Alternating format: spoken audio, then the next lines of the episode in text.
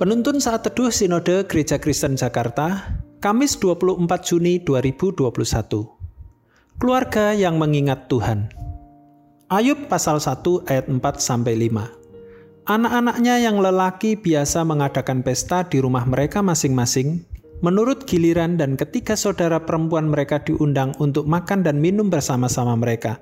Setiap kali apabila hari pesta telah berlalu, Ayub memanggil mereka dan menguduskan mereka.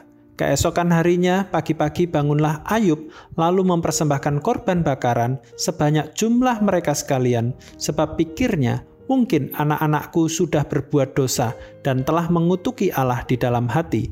Demikianlah dilakukan Ayub senantiasa. Ayub adalah tokoh Alkitab yang mengalami kemalangan besar.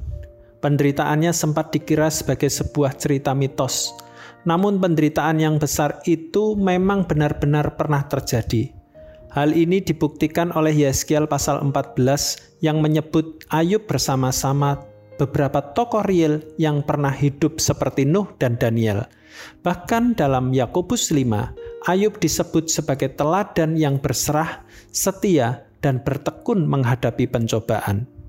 Ayub adalah seorang ayah dalam keluarga yang memiliki kepribadian yang takut akan Tuhan. Ia contoh kepala keluarga yang memperhatikan kerohanian anak-anaknya. Setiap kali anak-anaknya mengadakan pesta, maka Ayub tampil sebagai seorang imam untuk berdoa kepada Tuhan, meminta pengampunan bagi anak-anaknya. Dikatakan usai pesta, kesepuluh anak-anaknya pergi menemui Ayub. Ia menguduskan mereka, lalu esok pagi-pagi sekali ia bangun untuk mempersembahkan korban bakaran bagi Allah. Inilah yang membuat anak-anak Ayub terkesan dan selalu diajar untuk selalu mengingat Tuhan.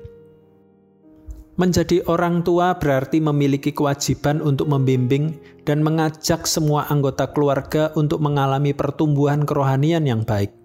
Orang tua bukan hanya bertanggung jawab untuk memenuhi kebutuhan jasmani, tapi juga rohani. Orang tua harus menjadi teladan iman yang dapat dicontoh oleh anak-anak, terutama teladan yang selalu mengingat Tuhan di setiap keadaan hidup.